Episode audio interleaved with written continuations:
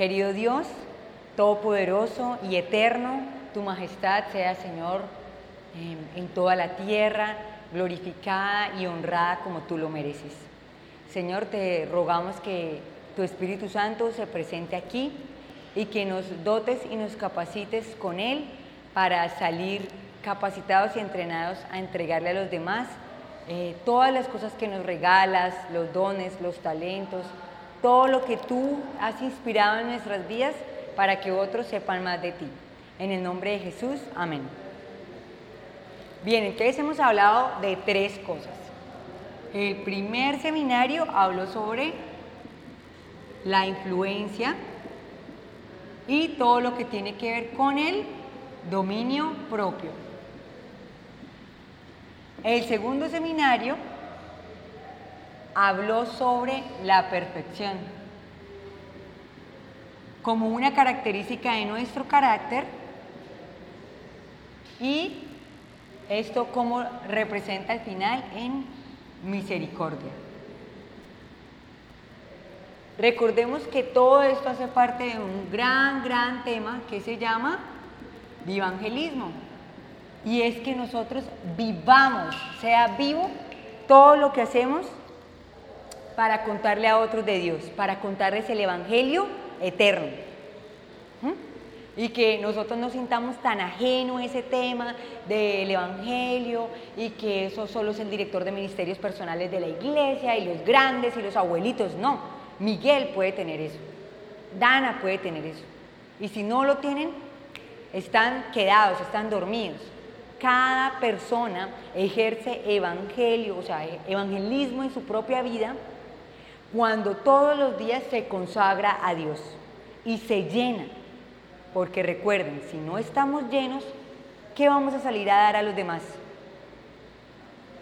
Entonces no sintamos nunca más a partir de este GYC Perú que el evangelismo es allá, eh, la iglesia y la asociación y y las campañas, empieza cada día en ese reto de encontrarnos diariamente, íntimamente con Jesús.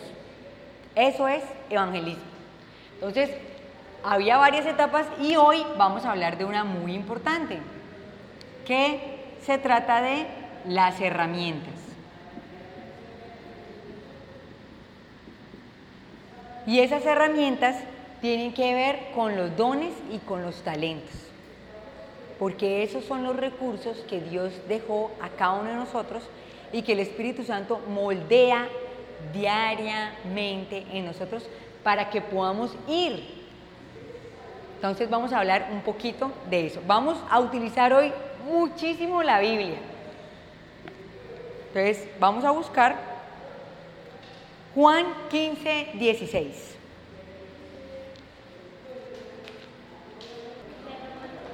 Muy bien, lo tienen todos. Muchas gracias a todos. Vamos a buscar Juan 15, 16.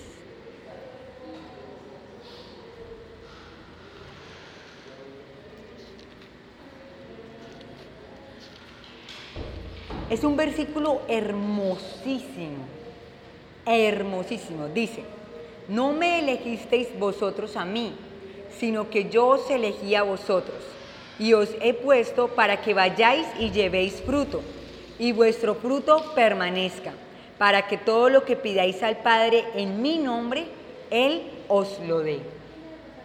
Hermoso porque nos dice que nosotros no elegimos a Dios. O sea, ¿tú qué crees, sí? Nancy, ¿qué se cree? Que sí, que muy chévere que tú lo elegiste. Pues no, Adriana tampoco lo escogió nos eligió Él. Es que Dios hace todo, todo, todo. Realmente es impresionante el amor tan grande que Él tiene por nosotros, que Él nos eligió, nos escogió, nos, nos comprometió. ¿Para qué? Para llevar fruto y para que ese fruto permanezca.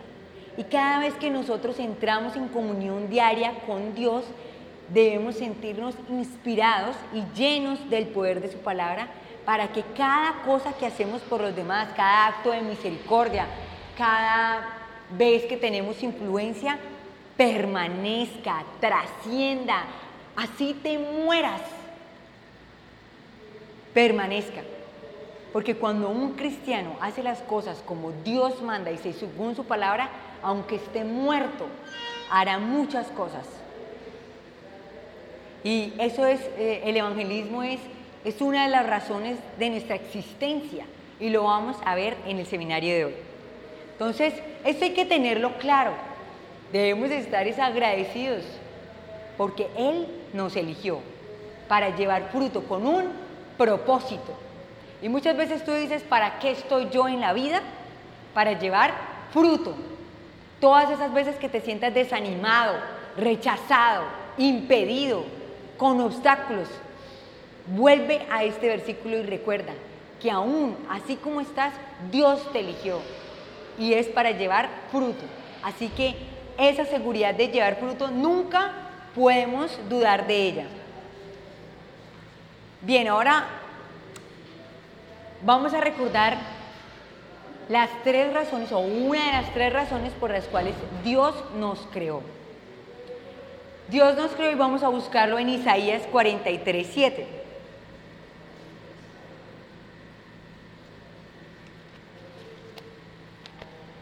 Como les dije, hoy vamos a utilizar harto la Biblia.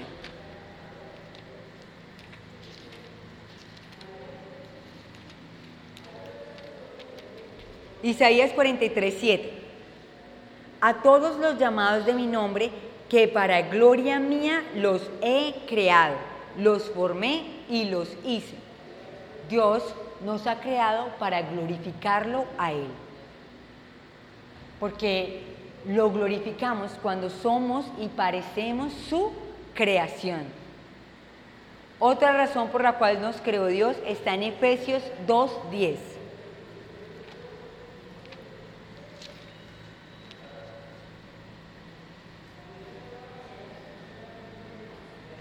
¿Ya lo tienen?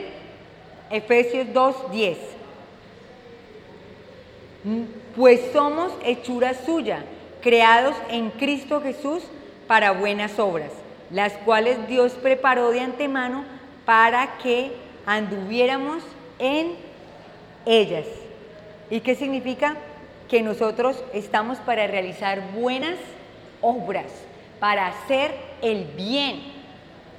Y Hechos 17, 26 al 29.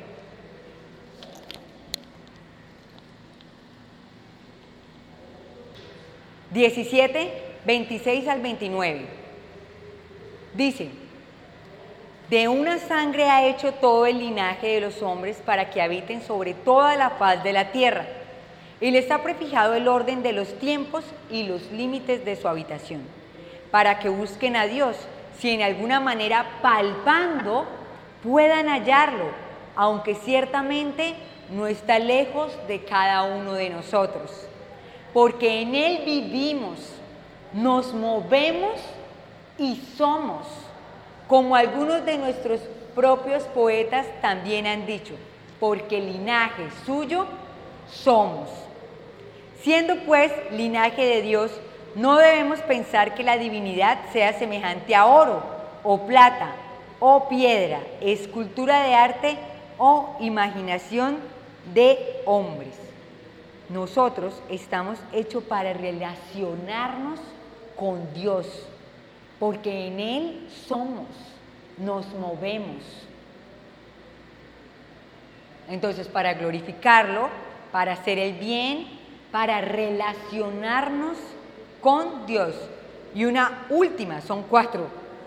Efesios 1,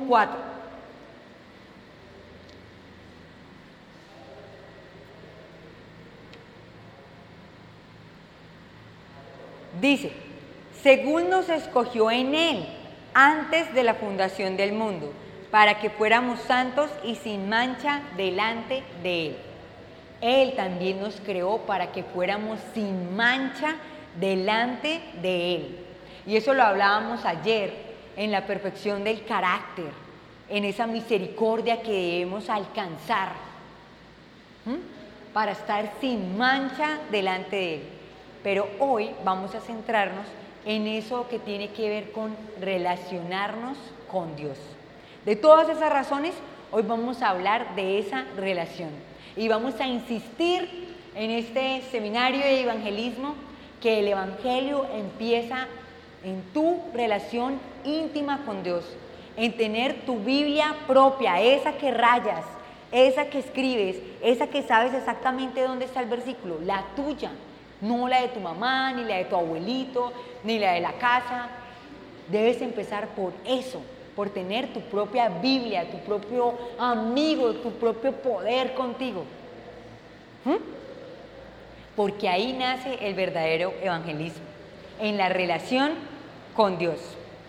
Pues resulta que si volvemos a Génesis y recordamos la historia de Adán y Eva, ¿qué pasó? Ellos estaban muy bien, con Dios, recién creados, felices, pero hubo un momento en el que ellos pecaron. Y en el momento en el que pecaron, ellos quisieron esconderse, ¿cierto? Se quisieron esconder de la presencia de Dios. Vamos a leerlo en Génesis 3, versículo 8. Vamos a recordarlo.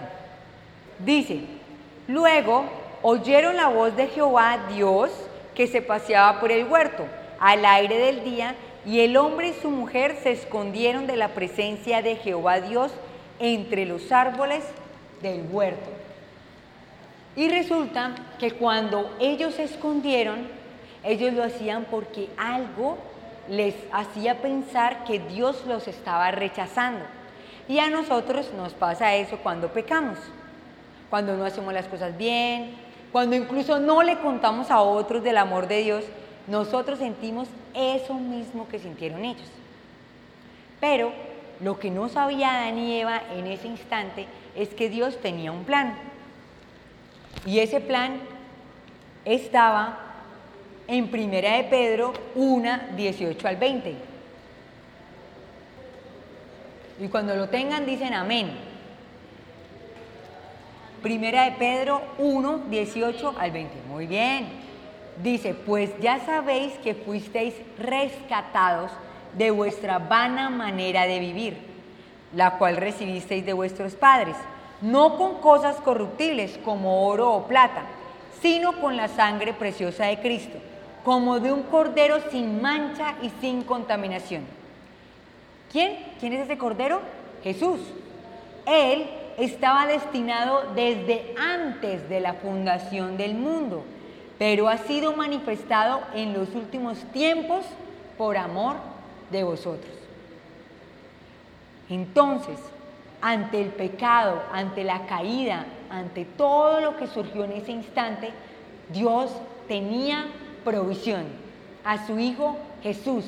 Y Él murió por nosotros como un cordero sin mancha y sin contaminación, perfecto para la salvación y la redención de la humanidad.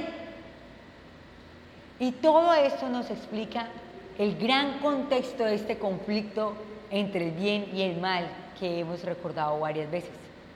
Y todo lo que entregó Dios en este conflicto, su propio Hijo por cada uno de nosotros. Ahora, cuando el Espíritu Santo nos impulsa a trabajar por las almas, por los perdidos, Él no lo está haciendo porque nos necesite, sino por esta razón Dios podría haber alcanzado su objetivo de salvar a los pecadores sin nuestra ayuda, pero a fin de que podamos desarrollar un carácter como el de Cristo, debemos participar en su obra. Para alcanzar el carácter de Cristo debemos participar en su obra. No podemos esperar que solo leyendo todos los días en la mañana la Biblia se haga el milagro. Hay que estudiar, hay que inspirarnos en la mañana, pero hay que actuar. Y por eso hay que participar. Y cuando tú no participas en la obra, estás muerto. A fin de entrar en su gozo, el gozo de ver almas redimidas por su sacrificio, debemos participar de sus labores a favor de su redención. Y esto está escrito en Deseado a todas las gentes, capítulo 14, página 120. ¿Por qué nosotros debemos participar? Nosotros todos los días jamás debemos olvidar que somos el cuerpo de Cristo. Y que yo, Adriana, no puedo ser sola. No puedo ir a hacer la obra sola porque somos uno solo. Perú no puede sin Colombia, Colombia sin Panamá, Panamá sin China, China sin India, India sin África, porque somos uno. Y debemos preocuparnos por ser uno. ¿Y quién nos une? ¿Nosotros mismos? ¿Nuestra propia razón? El africano pensará igual que el estadounidense, el estadounidense igual que el francés. Lo que nos une es la palabra de Dios. Cuanto más nos acerquemos a la palabra de Dios, cuanto más le pidamos al Espíritu Santo que nos ayude a interpretarla, estaremos más unidos como mensaje adventista, como el pueblo que debe pregonar el mensaje de los tres ángeles. Entonces, recalco esa importancia. Vamos a leer Efesios 1, 22 al 23. Muy bien y sometió todas las cosas debajo de sus pies y lo dio por cabeza sobre todas las cosas a la iglesia, cuál es la cual es su cuerpo, la plenitud de aquel que todo lo llena en todo. Nosotros somos el cuerpo y Cristo es la cabeza. Su iglesia es su cuerpo. Y debemos todos los días pensar en que eso somos. Ahora, ¿qué nos gustaría de nosotros? Que nos levantáramos todas las mañanas y de repente esa mano rebelde no se moviera. Y nosotros queriendo levantarnos y la mano queriendo quedarse en la cama o la pierna. Así sucede cuando Dios siente que nosotros no nos movemos. Pónganse en el lugar de Dios. Este Miguel no anda. Esta Ana no anda. Ese Samuel no, no, no quiere. Y allá, amado, está que se mueve, que se sale a correr, mejor dicho, está que se corre. Pero estos otros, ¿qué? Así, Dios con nosotros. Pues yo me imagino, quizás, así, a Dios. Pero tranquilos, estamos aquí para recordar el poder que tenemos, que Dios nos ha dado con los dones y talentos que nos ha dotado. Leamos Romanos 6, 6 versículo 13. Dice, versículo 3, perdón, 3. ¿O no sabéis que todos los que hemos sido bautizados en Cristo Jesús hemos sido bautizados en su muerte? Porque somos sepultados juntamente con Él para muerte por el bautismo, a fin de que como Cristo resucitó de los muertos por la gloria del Padre, así también nosotros andemos en vida nueva. Versículo 5. Si fuimos plantados juntamente con Él en la semejanza de su muerte, así también lo seremos en la de su resurrección. Sabiendo esto, que nuestro viejo hombre fue crucificado juntamente con Él, para que en el cuerpo del pecado sea destruido, a fin de que no sirvamos más al pecado, porque el que ha muerto ha sido justificado del pecado. Y si morimos con Cristo, creemos que también viviremos con Él. Y sabemos que Cristo, habiendo resucitado de los muertos, ya no muere. La muerte no se enseñorea más de Él. En cuanto murió, al pecado murió una vez por todas, pero en cuanto vive, para Dios vive. Así también vosotros considerados muertos al pecado, pero vivos para Dios en Cristo Jesús, Señor nuestro.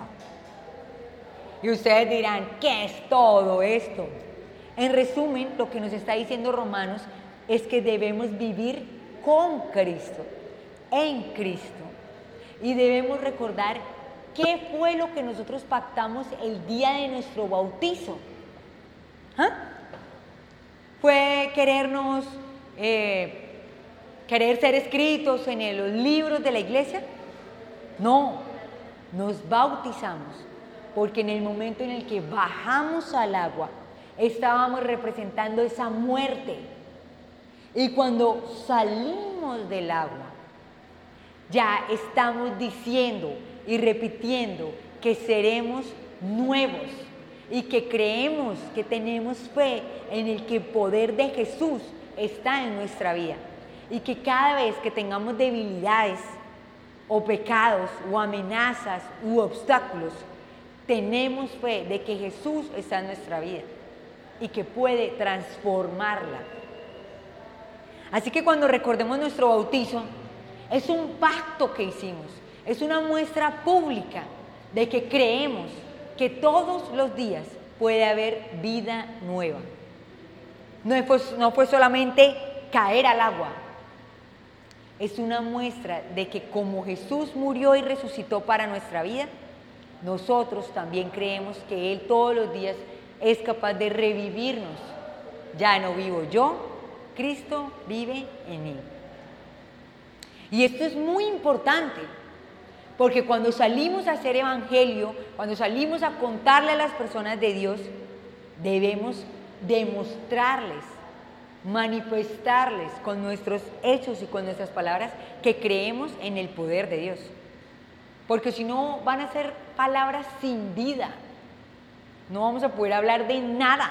No tiene sentido porque no lo estás viviendo.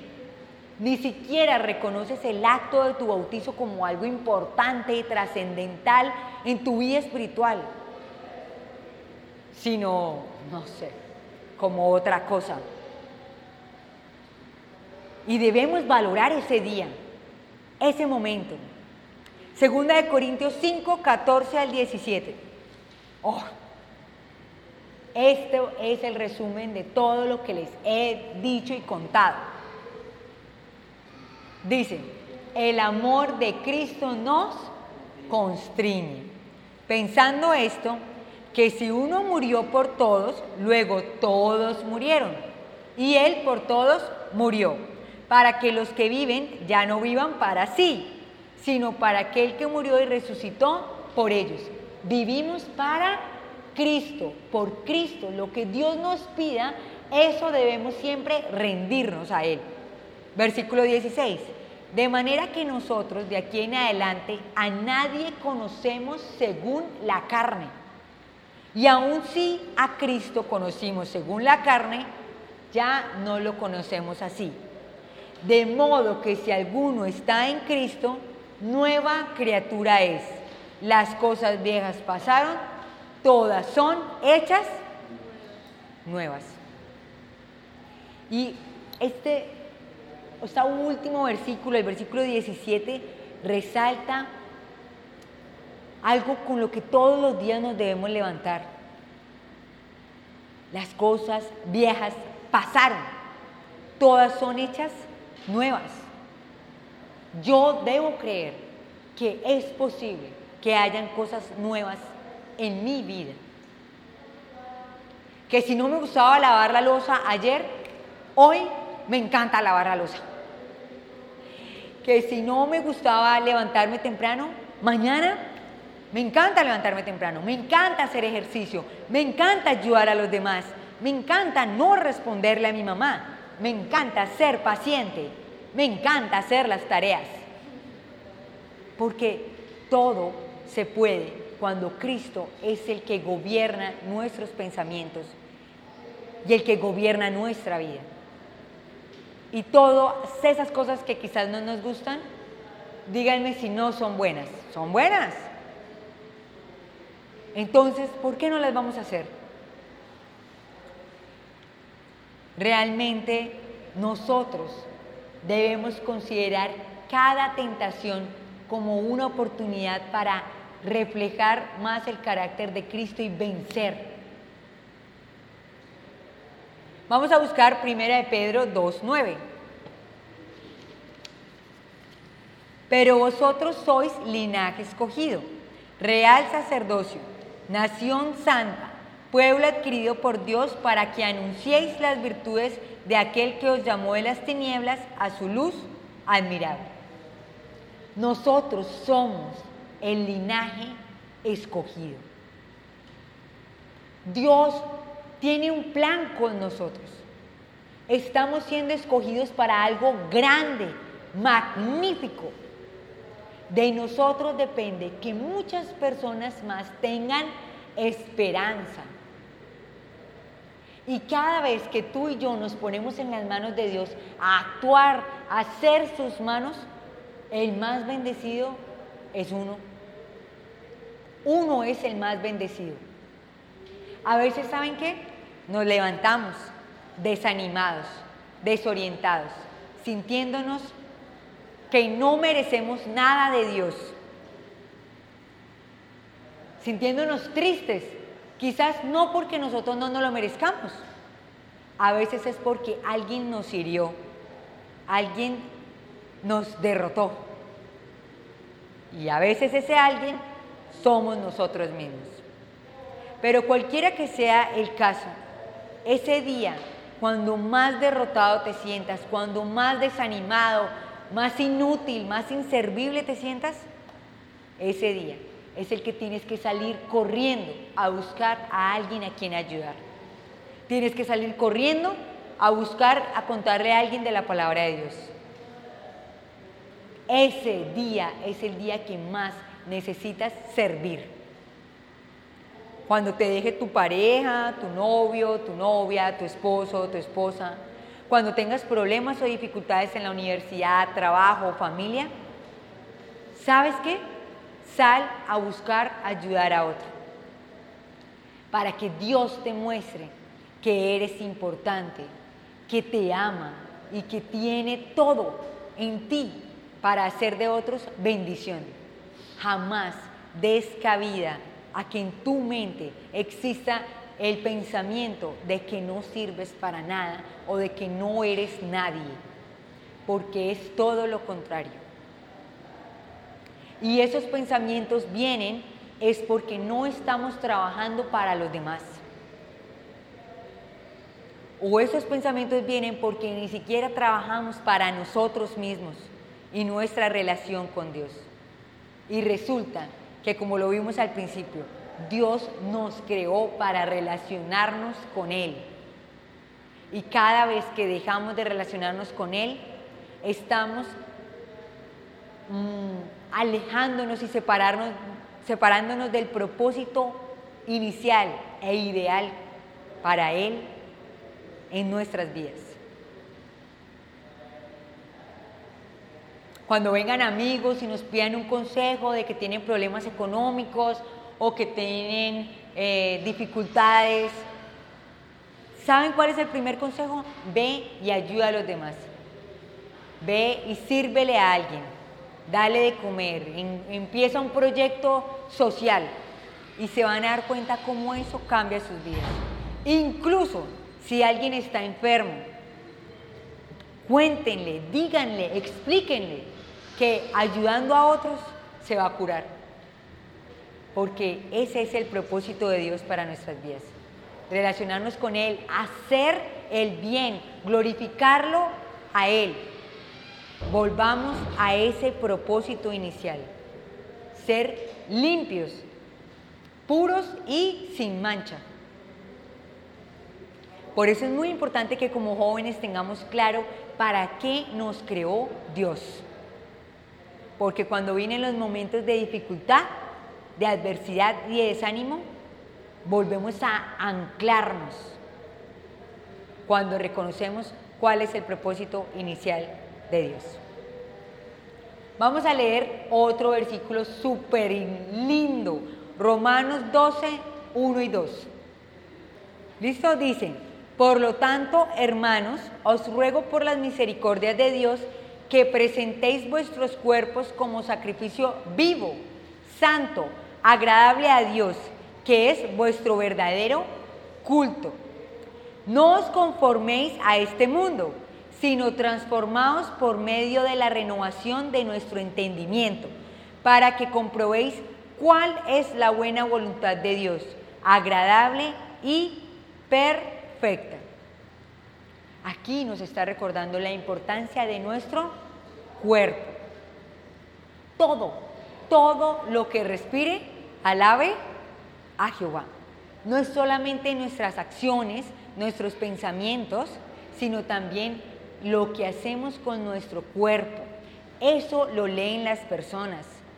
Cómo nosotros nos vestimos, cómo nosotros hablamos, cómo miramos, cómo comemos, cómo nos comportamos, nuestra salud, cada poro de nuestro cuerpo, cada cabello, cada ceja, cada hálito, respiro o suspiro, todo da testimonio de quién es nuestro Dios. Cada pestañeo que hacemos. Cuando todas las células de nuestro cuerpo están convertidas y están en, en acción unánime para demostrar y alabar a Jehová, la gente lo nota, lo percibe, lo distingue, porque estoy segura que ustedes les han dicho en algún momento de sus vidas, tú eres como diferente, ¿sabes? ¿Cierto?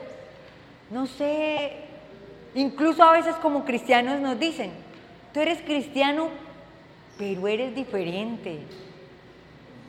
¿Por qué? ¿Por qué? Y quizás no nos importe saber el por qué, pero sí el para qué. ¿Para qué? Para glorificar a Dios, para hacer el bien, para relacionarnos con Él y para ser puros y sin mancha. Los propósitos de Dios en nuestra vida. Y aún no he llegado a la conclusión. Imagínense todo lo que hemos aprendido y no he llegado a la conclusión magna de este seminario. Pero recuerden, las uñas, el mugre de nuestras uñas, eh, todo, todo lo que tenemos, nuestros zapatos, todo, el brillo de nuestros ojos, alaba a Jehová y la gente lo nota. Debes preocuparte incluso hasta por el brillo de tus ojos, porque es que todo, debe ser evangelismo. ¿Ustedes se imaginan el brillo de los ojos de Jesús? Ah, ahora sí es más importante, ¿no? Y no es porque es que el uno tenga el ojo azul y el otro negro y uno brilla más que el otro, no. Uno sabe cuando una persona está triste o cuando está por allá en Júpiter o cuando alguien tiene a Dios en su corazón. Y tú puedes estar triste, pero con Dios en tu corazón y tus ojos están tristes diferentes. No hay penumbra, no hay tinieblas, hay como esperanza en medio de la tempestad. Y eso la gente lo nota, porque afuera hay demasiada demasiado ruido, demasiado controversia, demasiado ambiente pesado.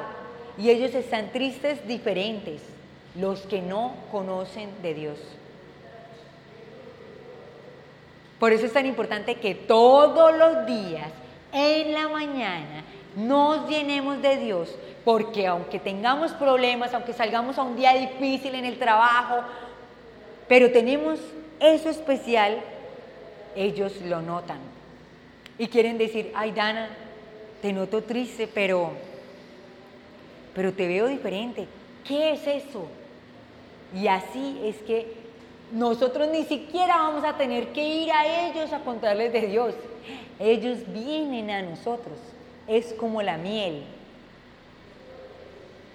Eso queremos, ¿cierto? Que sea tan fácil evangelizar que vengan a nosotros como iban a Jesús. Jesús no andaba, hey, voy a buscar a ver quién, quién, quién me pone atención. No, porque imagínense el poder del amor en el carácter de Jesús que hacía que todas las multitudes vinieran y lo vamos a ver en el otro seminario, es que estoy que les cuento todo, pero no se puede. Bueno, si están conmigo, vamos a hablar del método de Jesús. ¿Y qué hacía él para que todos llegaran? Bueno, vamos a buscar ahora Segunda de Corintios 6, 16.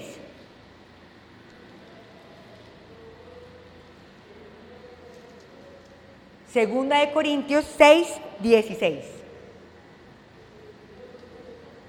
Dice, ¿y qué acuerdo hay entre el templo de Dios y los ídolos? Y vosotros sois el templo de Dios viviente. Como dijo Dios, habitaré y andaré entre ellos. Yo seré su Dios y ellos serán mi pueblo. Y esto es porque quiero rescatar los hábitos de vida saludable. ¿cierto? Eso es algo muy importante y muy fácil que nosotros podemos hacer para practicar esto que nos está diciendo la palabra de Dios. Aire, agua, ejercicio, descanso, luz solar, nutrición, temperancia y esperanza en Dios. Practicarlos. Practicarlos. Porque cuando los practicamos, estamos sanos, estamos fuertes y tenemos ganas de salir a predicar. Pero si estamos enfermos, no, no quiero salir a hacer nada, no quiero contarme ni a mí misma nada.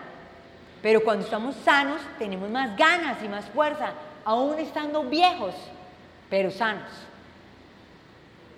Y es muy importante cuidar nuestra salud. Filipenses 3:14.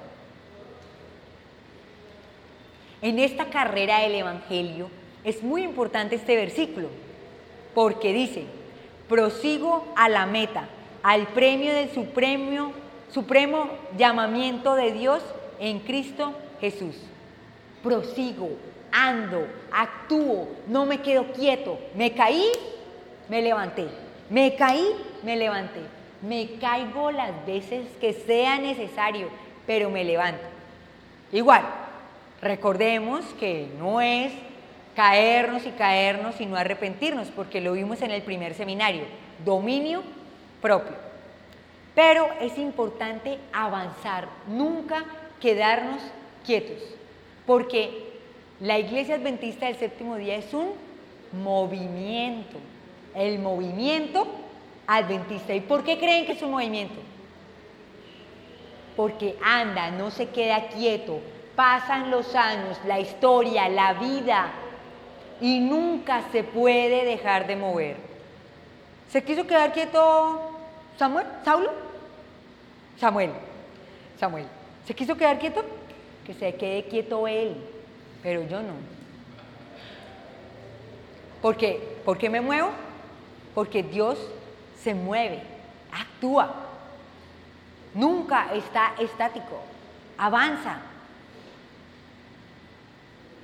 Y vamos a buscar Primera de Corintios, capítulo 12, versículos 4 al 7. Y aquí empieza lo más delicioso de este seminario. Bueno, a mí me encanta, es que una hora es muy poco. Dice, ahora bien, hay diversidad de dones, pero el Espíritu es el mismo. Hay diversidad de ministerios, pero el Señor es el mismo. Y hay diversidad de actividades, pero Dios, que hace todas las cosas en todos, es el mismo.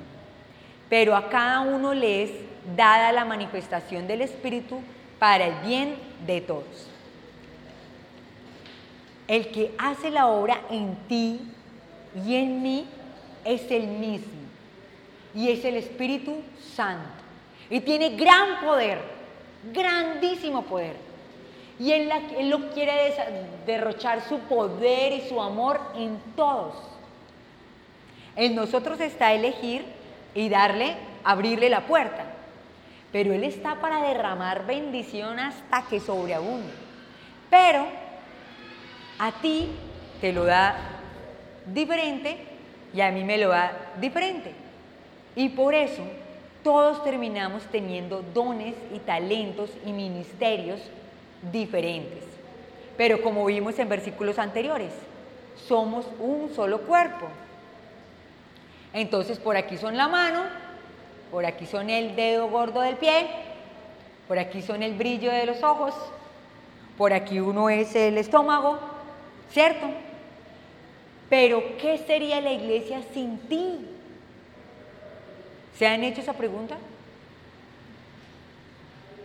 Y no, no, lo vamos a ver por el lado de que nadie es indispensable en este mundo y etcétera.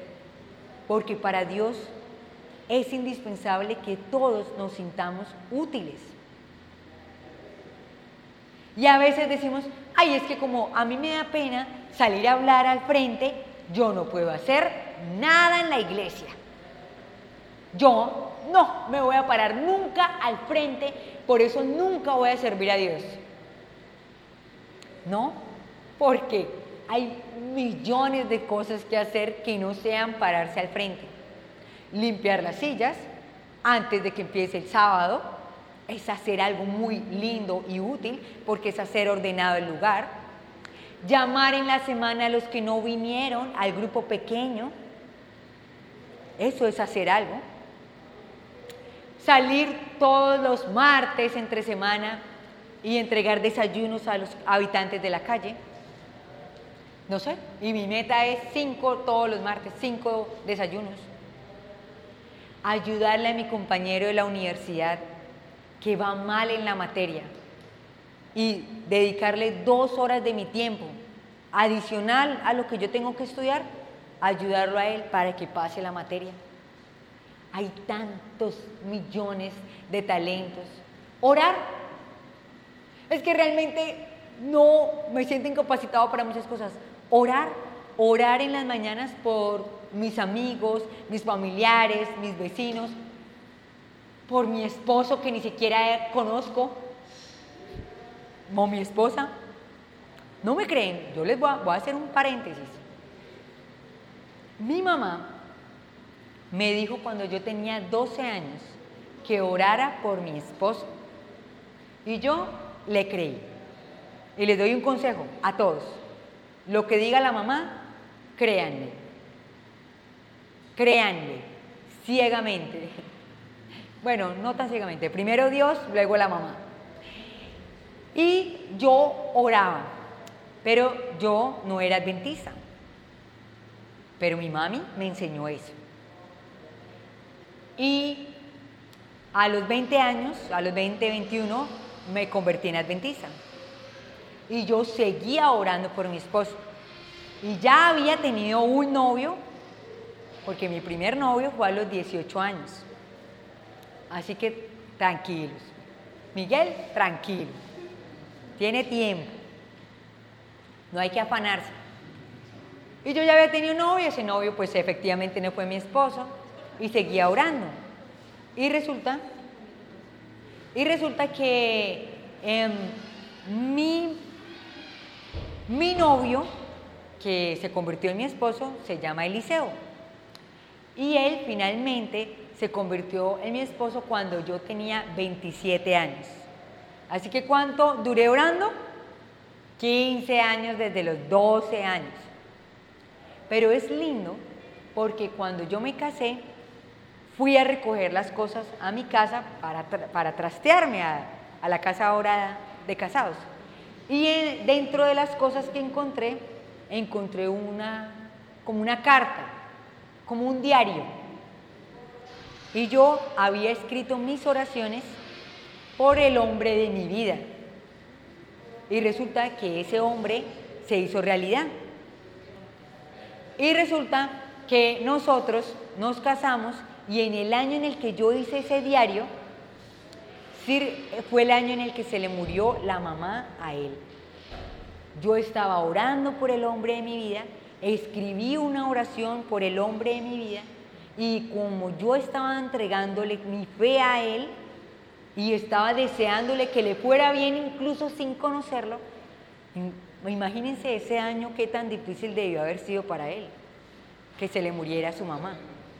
Entonces, eso fue muy bueno para que realmente em, fuera algo que realmente surgiera para Dios. Vamos a leer Efesios 4, 11 al 16.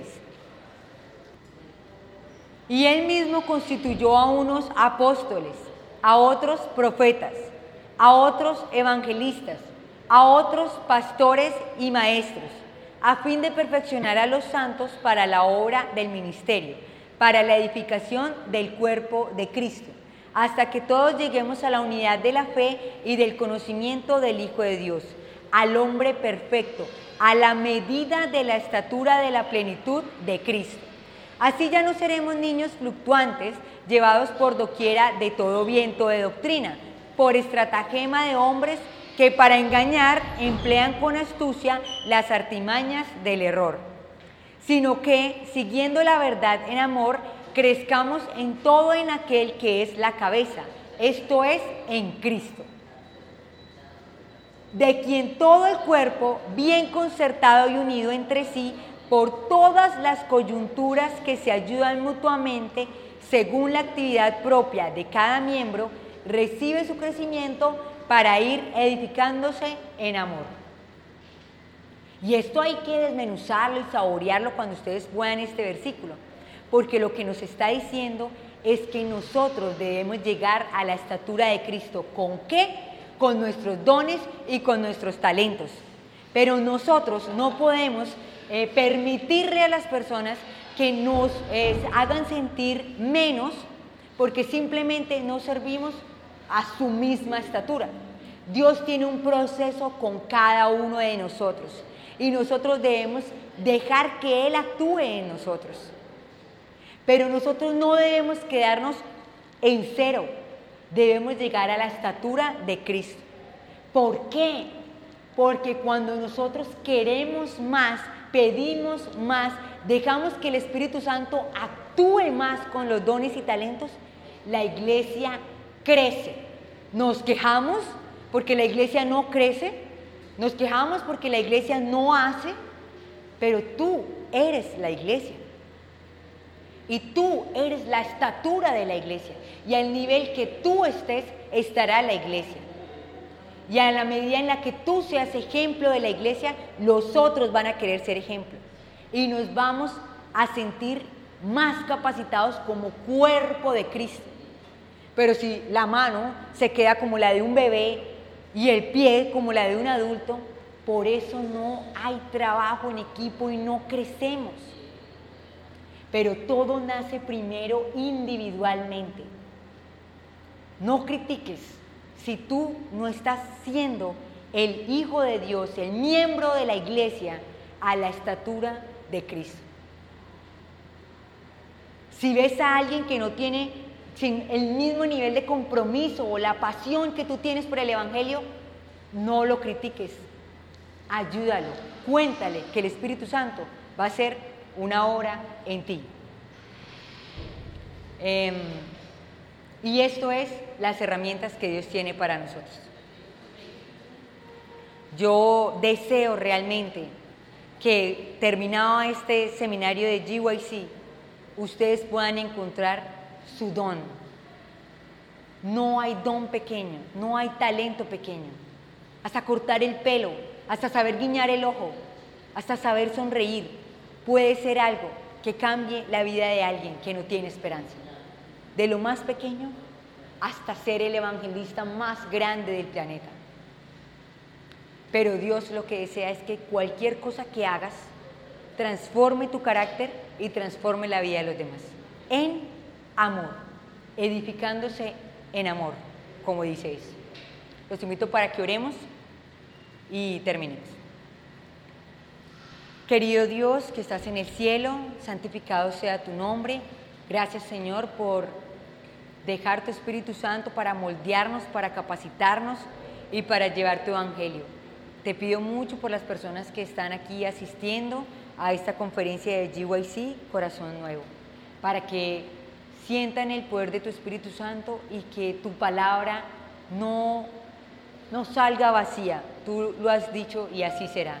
Estará llena de tu poder para que podamos ser una iglesia unánime, para salir y contar lo poderoso que es tu amor.